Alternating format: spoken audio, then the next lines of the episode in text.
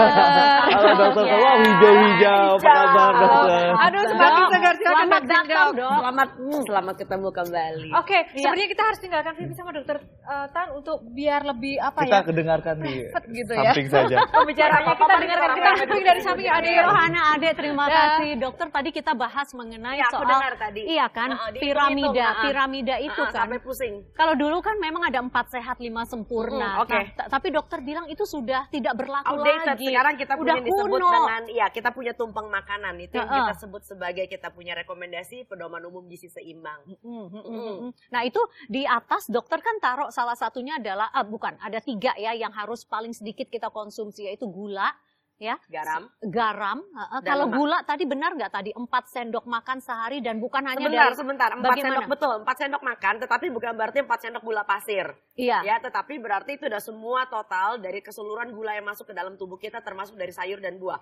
Oke. Satu hal lagi yang lebih penting, eh, WHO eh, merilis di Hmm. tahun 2015 eh, akhir, eh, WHO mengatakan bahwa itu udah perjuangan ratusan tahun ya. Akhirnya beliau juga mereka pihak-pihak WHO Hmm. ber- berhasil menggolkan itu.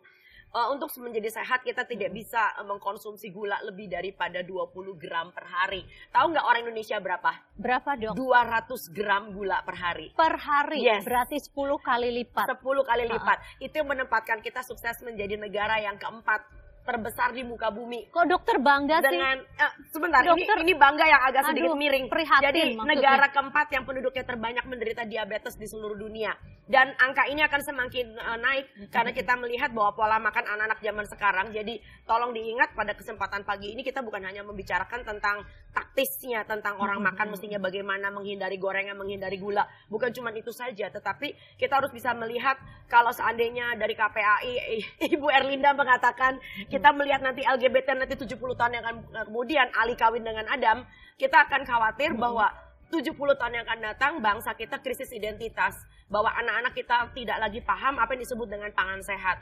Karena eh, idea tentang pangan sehat ini sekarang sudah mulai agak bergeser, di mana kalau saya mengkhawatirkan apabila pemerintah tidak terlalu mengambil intervensi yang tegas, maka kita kehilangan identitas bangsa Oke. dalam hal pangan. Jadi kita pikir jangan nanti sampai ya jangan, jangan sampai, sampai, jangan sampai Mhm. nanti anak kita mengatakan makanan sehat adalah donat organik, tembakau organik, Mhm. lalu kemudian bakmi organik. Ya, sekarang udah ngetren itu di even di London Oke, di- you di are Inggris. what you eat. Apa yang kamu makan itu Exactly. adalah And you are what identitas you kamu. become by what you eat. Ya ampun, iya panjang lagi ya. You are what you become by Ya, what you you, are what you become. Nah, oke, marilah kita bedah ya satu persatu saja Betul. dok ya. Kalau kita tadi bicara soal apa 5 gram eh, 5 gram gula itu adalah satu sendok teh. Mungkin hitungnya mungkin lebih mudah seperti itu ya. 20 gram yang disarankan dan itu bukan hanya dari gula pasir tapi roti dan Macam-macam berbagai karbo. kecap. Ingat nggak kalau bikin semur pakai kecap? Iya ingat dok. ya. Maka dari itu Oke, mari kita bedah. Kenapa kok orang Indonesia bisa 200 gram mengkonsumsi gula dalam sehari? Oke, kita bedah ya. Satu satu mangkok nasi. Satu mangkok nasi itu berapa gulanya, dok? Eh, saya nggak bisa ngitung, tetapi yang saya bisa ngitung adalah satu gram yang pasti adalah kalorinya. Yang kita bahayakan itu adalah kalorinya, karena gula itu bicara tentang masalah kalori kosong. Artinya gizinya tidak ada, tetapi nilai kalorinya tinggi. Satu gram karbohidrat gula boleh dibilang itu adalah 4 kalori. Bayangkan kalau kita makan eh, satu on, satu on itu hanya setengah porsi nasi loh. Jadi kalau nasi yang kalau kita dapetin dari warung tuh warteg itu biasanya 200 gram. Ngeri Iya. nggak itu? Iya, Uh-uh. antara 150 sampai 200 gram. Itu bayangin kalau 200 gram dikali 4 itu udah 800 kilokalori. Oke. Ya, Iya. jadi eh, betapa ngerinya eh, artinya Tapi padahal kadang-kadang tidak membayangkan kalau udah mak- udah lapar ya dimakan gitu ya. Iya, karena orang Tapi itu kita harus kita harus berpikir Betul. ulang gitu. ya. Barangkali kalau kita lihat di tayangan, saya tidak tahu apakah akan diberikan nanti. Ada, Eh, heeh, eh, heeh. kita punya yang disebut dengan piramida makanan Oke. dari berbagai Ya, negara. kita punya gambarnya, Kita dok. punya gambarnya. Heeh, heeh. Jadi kalau piramida makanan dari Australia, kita bisa Mm-mm, melihat mm-mm. bahwa ternyata eh, piramida yang paling bawah, lantai paling bawah yang menjadi rekomendasi pemerintah supaya rakyatnya makan lebih Oke. banyak, itu adalah sayur dan buah.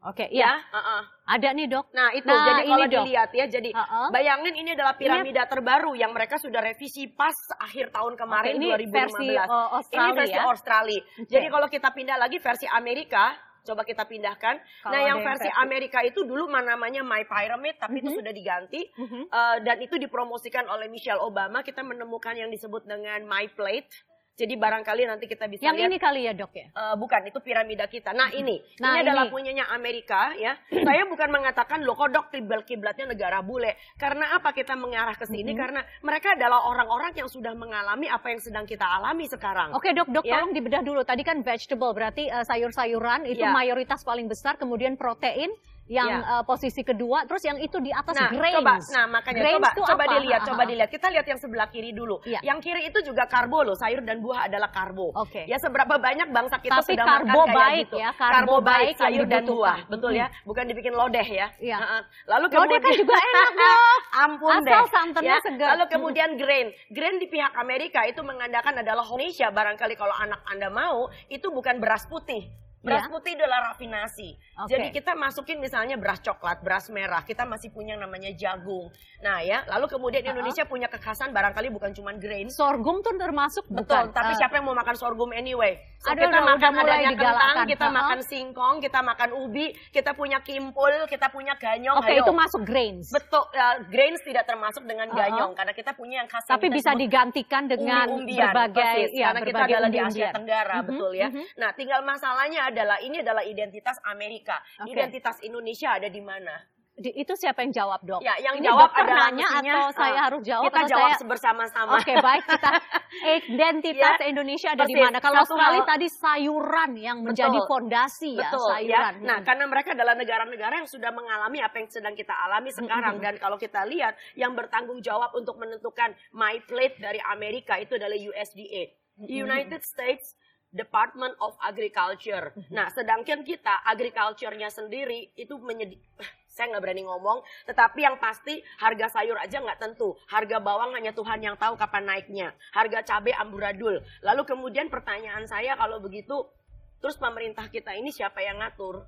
Gitu loh ya. Apakah pedagang besar? Apakah orang-orang yang bermain antara jarak dari petani sampai dengan konsumen? Bahkan kadang-kadang dengan berbagai berkali-kali operasi pasar, pemerintah kayaknya agak sulit punya sedikit kekepoan. Saya saya rangkum mengatur- sedikit ya dok ya. Jadi intinya adalah Indonesia harus segera harus punya segera identitas pangan Identitas ya. Itu yang pangan. akan mengantarkan generasi Persis. muda kita berbentuk Persis. seperti apa nanti setelah yang satu ini. Pemirsa Oke, tetaplah makin bersama seru. kami. Selamat pagi Indonesia akan segera kembali. Identitas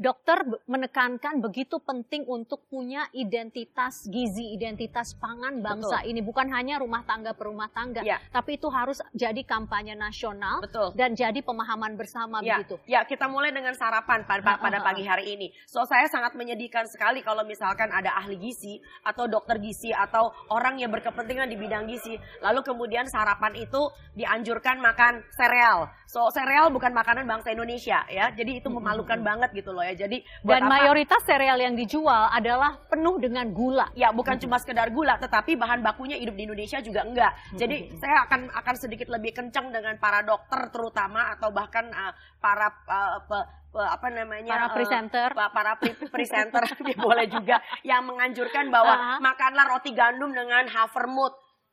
Mestinya tuh paspornya ganti, Kenapa boleh pakai logo salah? Garuda, ganti pakai elang botak. Kena- kenapa itu salah sih dok? Ya karena bukannya salah, ya karena gini deh, itu dia belajar dari mana sih? Saya setuju bahwa yang disebut dengan grains itu barangkali kalau di negara barat itu adalah gandum utuh. Ya kan seratnya banyak. Betul, tetapi coba dilihat toko roti di Indonesia ada nggak yang, di- yang yang menjual dengan menggunakan gandum utuh? None, nggak ada. Karena roti makin ke Asia itu makin empuk.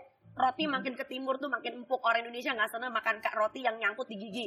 Itu kayaknya katanya kayak batu bata buat gebuk anjing kain. Nah, lalu kemudian, oh, ya jujur aja. Lalu Oke, kemudian bicara tentang uh-uh. oatmeal. Oatmeal kita tuh instan. Ya, Ja- Uh-uh. jadi apa bedanya Anda dengan makan mie instan? Nah, nah Berarti karena lagi- seratnya tidak ada, makanya yang tertinggal hanya gula dan itu Sebetulnya tidak ada bukan manfaat. dikatakan seratnya nggak ada, beta glukan ada dan sebagainya ada. Tetapi masalahnya itu bukan sarapan yang khas Indonesia satu dan yang kedua dibandingkan dengan pecel yang masih kaya dengan antioksidan, rendah gula dan very Indonesian. Kita makan dengan protein, ada tempe, ada tahu. So what the heck with that gitu loh. Jadi kalau menurut saya eh, coba dah kita gali. Jangan sampai mahasiswa kita juga kalau keluar negeri dikenal sebagai pembawa mie instan. Terus saya masih inget tuh mahasiswa-mahasiswa kita di Australia, di Amerika, itu kalau ditanya, eh kamu dapat kiriman ya dari mamah kamu ya? Apa- kita mau apa- dong apa mie yang instan, salah? mie instan. Iya, oke. Apa-apa yang sangat salah dari itu? Ya jelas sangat salah. Nomor satu gisinya omong kosong nggak sesuai dengan gambarnya, ya kan? Nggak gambarnya, nggak seperti bungkusnya kan. Yang nomor dua, terigu itu tidak bu- tumbuh di bumi Indonesia gitu loh ya. Jadi Aha. Tolong deh kalau kita ingin apa namanya melakukan yang namanya revolusi mental, kita ingin memajukan bangsa ini, kita ingin mendukung pemerintahan kita yang ada sekarang dengan melakukan swasembada pangan, swadaya dan swakarsa whatever. Tetapi kalau pola makan kita masih menunjukkan identitas bangsa asing atau pola-polanya masih tidak Indonesia banget, jadi kita tuh mau dibawa ke mana? Oke, kita mau dibawa ke mana dok? Mari, udah saatnya kita buat identitas pangan orang Indonesia. Betul. Yuk, kita mulai dengan yang paling banyak kita konsumsi harusnya adalah tetap sayur sayur yang mentah atau Sebentar, bagaimana? ini apa yang mesti dikonsumsi tergantung pada kebutuhan dari makhluk hidup tersebut. Mm-mm. Tentu misalnya anak yang baru tumbuh kembang, Oke. anak yang menjelang dewasa ABG, dan orang dewasa, orang dewasa yang sudah senior, orang dewasa yang sudah sangat senior, tentu mempunyai kebutuhan gizi yang tidak sama, harus kita akui. Mhm. Ya, jadi jangan sampai di meja makan anak yang lagi umur 7 tahun sering batuk pilek atau masih sering lari sama masih senang main basket dengan engkongnya yang udah 75 tahun kena kencing manis, Oh punya God. kencing manis dan agak obes. Bayangin kalau sarapannya makanannya sama, siapa yang masuk rumah sakit duluan? Harus jauh berbeda. Harus jauh begitu. berbeda, ya, jadi- Dokter punya pola bahwa di atas 21 tahun kita tidak butuh lagi karbohidrat dari pati. tergantung dari Ah, apa yang sedang dia kerjakan. Kalau umur 25 Orang ngantor tahun, deh, ngantor. Orang ngantor ya sudah lah, kan yang Mm-mm. gerak cuma tangan sama matanya. Lain halnya kalau umur 25 tahun dia kuli kapal. 25 tahun dia masih kerja jadi kuli bangunan. Kasihan dong kuli bangunan gak dapat pati. Uh-uh, Itu adalah oke. sumber karbohidrat terbanyak untuk dia untuk menghasilkan kalori. Saya ingin refleksinya tuh pada ini loh dok, pada tadi ada yang apa ya- yang soal eh, apa yang dibuat oleh eh, Australia piramidanya. Ha-ha. Nah itu boleh nggak kita jadikan paling tidak panduan begitu?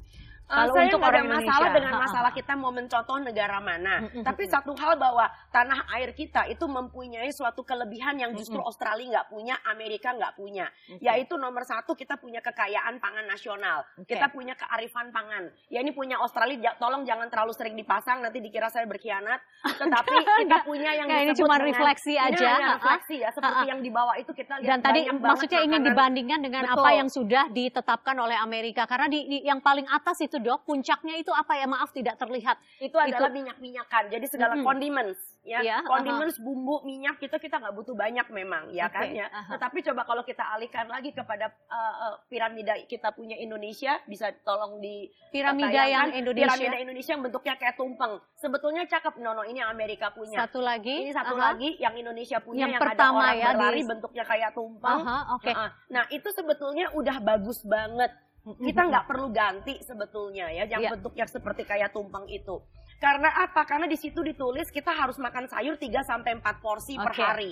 Mhm. Bayangin kalau kita sudah cukup makan sayur setengah kilo. Yang 4 porsi itu kurang lebih sekitar 4 on, 400 gram ya. Oke. Mana mungkin sih patinya bisa masuk banyak-banyak? ya udah terlanjur Betul, kenyang kan dok gitu loh. Tapi Iya. orang Indonesia itu yang masuk itu lebih banyak makanan kulinya dulu. Padahal kerjanya maksudnya sekretaris. karbohidrat berpati ya Karbohidrat yang sangat tinggi dengan glycemic index, sangat sangat padat dengan kalori. Oke berarti karbohidrat. sebenarnya tumpeng kita sudah baik dong ya Tumpeng kita sudah baik Oke. lakukan. Jadi Indonesia itu sudah punya banyak konsep yang bagus, nggak usah ditambahin yang baru, ya. Punya program yang bagus, ya. Tapi saya nggak tahu ini apakah pencitraan atau karena simplifikasi. Nah itu yang bahaya simplifikasi. Oke, Ya. dok tadi dokter sem- sempat eh, bilang soal jangan sampai anak-anak kita nanti beranggapan bahwa makanan yang sehat adalah Donat misalnya organik. donat organik Betul. ya. Kita sering sekali tergoda dan apa ya jatuh cinta dengan label makanan-makanan sehat karena kan kita namanya manusia Iya, yang ingin iya, sehat setuju. ya. Apa yang sering salah gitu dok? Ya, yang sering salah adalah karena campur tangan perusahaan yang kebablasan gitu loh ya. Mm-hmm. Saya tidak masalah dengan perusahaan makanan, Eh, tapi saya lebih lebih tidak masalah lagi kalau konsumennya itu eh, punya pendidikan yang cukup ya Mm-hmm. bahwa Tuhan itu sudah cukup memberikan kita makan ya. Tolong jangan diduain. Ya, Oke, diduain iya, itu ha-ha. artinya gini Baga- loh. menerjemahkannya bagaimana nih dok? Iya, Ya. seperti misalnya kita itu sudah punya sayur, kita sudah punya buah, dan Mm-hmm. Tuhan memberikan perangkat namanya gigi dan pencernaan. Udah jangan di blender napa? Udah nggak usah Ah, ah. dibikin jus kena kemasan apa? Ya, jus kemasan di blender itu seakan-akan kayak Tuhan itu nggak cukup. nggak cukup bagus. Rasanya kurang manis, tambahin gula, high fructose corn syrup. Ya, Eh, rasanya tidak praktis, cukup harus di blender dulu, baru kita tinggal telan. Seakan-akan eh, apa yang sudah Tuhan ciptakan itu kayak nggak cukup baik gitu loh ya. Harus kita tambahin sesuatu, harus kita olah lagi. Belajarlah untuk menghargai pangan yang sudah apa adanya, itu yang pertama. Apa Dan- berarti kita jangan bangga dulu kalau kita tiap hari minum jus begitu? Ntar dulu, emang Tuhan bikin jus, Tuhan bikin. Iya makanya nih makanya nanya sama Tuhan bikin buahnya, Pagi-pagi kita minum jus Nah, yang gitu namanya kan. pencernaan itu kan harus dikunyah, lalu diulek sama kita punya lambung. Memang apa sih yang terjadi pada buah-buahan yang akhirnya di blender, di Nah, jus ini makanya gitu? artinya apa, ada orang apa bedanya? artinya ada orang yang tidak Uh-uh. paham kenapa kita makan sayur dan buah. Oke, Kita coba makan dok. sayur dan buah Beri kita itu- pencerahan kenapa beda. Itu jauh berbeda. Persis. Uh-uh. Sayur dan buah itu kalau di kalau di secara internasional kita digolongkan me- mereka digolongkan sebagai yang namanya karbohidrat juga. Kenapa disebut karbohidrat? Karena mereka juga menghasilkan gula. Prinsipnya itu. Jadi semua bahan makanan yang end produk produk akhirnya adalah gula, itu disebut sebagai karbohidrat. Nah, kenapa sayur dan buah disebut baik? Karena gulanya punya ikatan dengan serat. Serat ini yang akan mengontrol di dalam pencernaan. Kapan dia harus mengeluarkan gulanya. Jadi yang disebut dengan slow release of the sugar itu yang paling penting. Nah, tetapi kalau serat ini kita cincang, kita rusak, kita blender atau kita olah sebelum masuk ke dalam pencernaan, maka gula yang terikat di dalam serat ini akan berhamburan keluar. Jadi cita-cita kita makan sayur dan buah itu habis. Apa bedanya dengan Apakah minum dampaknya eh, Dampaknya dampaknya tentu- sama dengan kita minum jus yang sudah di blender tentunya dengan indeks glisemiknya apa sama dengan misalnya kita makan roti tawar atau nasi begitu. Itu belum ada penelitian sampai ke sana, belum ada orang iseng. Tetapi yang pasti, bagaimana ngebandingin dengan roti. Tetapi yang pasti, yang tadinya kita menganggap sayur dan buah itu baik karena seratnya mengikat si gula. Tapi kalau seratnya kita cincang, kita blender, kita rusak. Walaupun kita minum dengan ampas-ampasnya saya tahu, tapi kan gulanya sudah berhamburan keluar ke dalam cairan hebat itu. Oke. Lalu otomatis usus kita akan lebih se- lebih senang menyerap siapanya? Gulanya. Iya, Jadi lagu lama cerita klasik keluar lagi. Oke, dan itu langsung Jadi gula darah, cuma- gula darah langsung naik tuh, Betul, Dok. dan seratnya cuma buat apa? Seratnya buat tambah-tambah lafi, tali rafia doang. Dok. Tahu kan maksudnya? Oke, dok kita juga sering mendengar ya bahwa uh, kita tuh senang dengan makanan yang low fat, yang lemaknya rendah begitu. Tunggu dulu, apa- low apa- fat. Nah, ini yang bahaya. Istilah low fat itu menjadi kegilaan di Amerika sekitar 25 sampai 30 tahun yang lalu. Mm-mm. And America is not getting any less fat, but America is getting fatter. Ya, kenapa bisa begitu? Karena akhirnya makanan yang low fat itu tidak enak dan rasanya kopong. Kopong itu artinya orang nggak bisa kenyang, not satisfac- not, not satisfactory. Akhirnya orang akan makan sesuatu karbo yang lebih banyak. Artinya kadar gulanya jadi lebih tinggi. Perhatikan makanan-makanan yang low fat itu tidak tertutup kemungkinan mereka tuh tinggi gula. Minimal tinggi karbohidrat yang belum jadi gula. Dan itu bahayanya. Oke, berarti ti- kita tidak terlalu uh, perlu takut ya dengan lemak gitu Nah, sebenarnya. lemak yang baik kan sudah ada di alam. Oke. Misalnya, Tolong misalnya, ingatkan lagi lemak-lemak Misalnya baik, kita makan pecel, orang makan pecel, makan keredok, makan gado-gado pasti pakai gula. Eh, pakai gula, maaf tuh jadi kebablasan. Pakai yang namanya kacang, ya kan? Kacang, Kacangnya diulek kan? Dan Iya. semua kacang pasti mengandung lemak. Lemak, oke. Bikin soto, orang bikin soto, bikin pepes, pakai kemiri kan? Uh-uh. Nah, kemiri sudah mengandung lemak. Lemak. Nah, kita pagi sarapan pakai alpukat, bukan di blender, bukan pakai susu kental manis. Pakai alpukat. alpukat itu adalah buah yang tinggi kalori, Oke. tapi lemaknya baik. Aha. Ya, kita makan ikan, jangan salah. Ikan itu mengandung omega 3, itu juga lemak yang baik. Nah, satu hal titipan pesan saya dari sini, ini menunjukkan Oke, kenapa berarti si kacang, si kemiri, si alpukat, si semua ikan lem- ikan juga itu protein yang berlemak baik. itu Ha-ha. lemaknya baik ya. Jangan sampai kita punya ibu susi yang sibuk ngumpulin ikan dari seluruh penjuru tanah air, ya nelayan asing ditenang-tenangin dibakar-bakarin sama dia, tapi tebak ikan yang sudah terkumpul di tanah air kita lalu siapa yang makan? Ayo, Orang-orang siapa, Dok? asing akhirnya dijual Oke. lagi buat Jepang, buat orang Korea, buat Cina, orang-orang orang Taiwan. So anak kita tetap aja makan Oke. abon ikan, ikan asin sama kerupuk ikan. Kan Baik. sedih. Jadi alangkah cita-cita saya, Baik. alangkah sehatnya kalau kita punya disebut dengan pekan sarapan nasional. Mhm. Ketemu nih tiga kementerian, Kementerian Kelautan, Kementerian Pendidikan, Kementerian eh, apa namanya kesehatan. Kesehatan. Yuk kita bikin panduan manual anak Indonesia makan ikan tiga kali seminggu. Alhamdulillah negara ini adalah negara yang sangat ditakutin sama orang asing. Dokter Tan Shotian, terima kasih Sama-sama. telah berbagi cerita di Tentu Selamat saja. Pagi Indonesia. Sampai jumpa minggu depan ya dok. Alhamdulillah. ya pemirsa, eh, Selamat Pagi Indonesia akan segera kembali.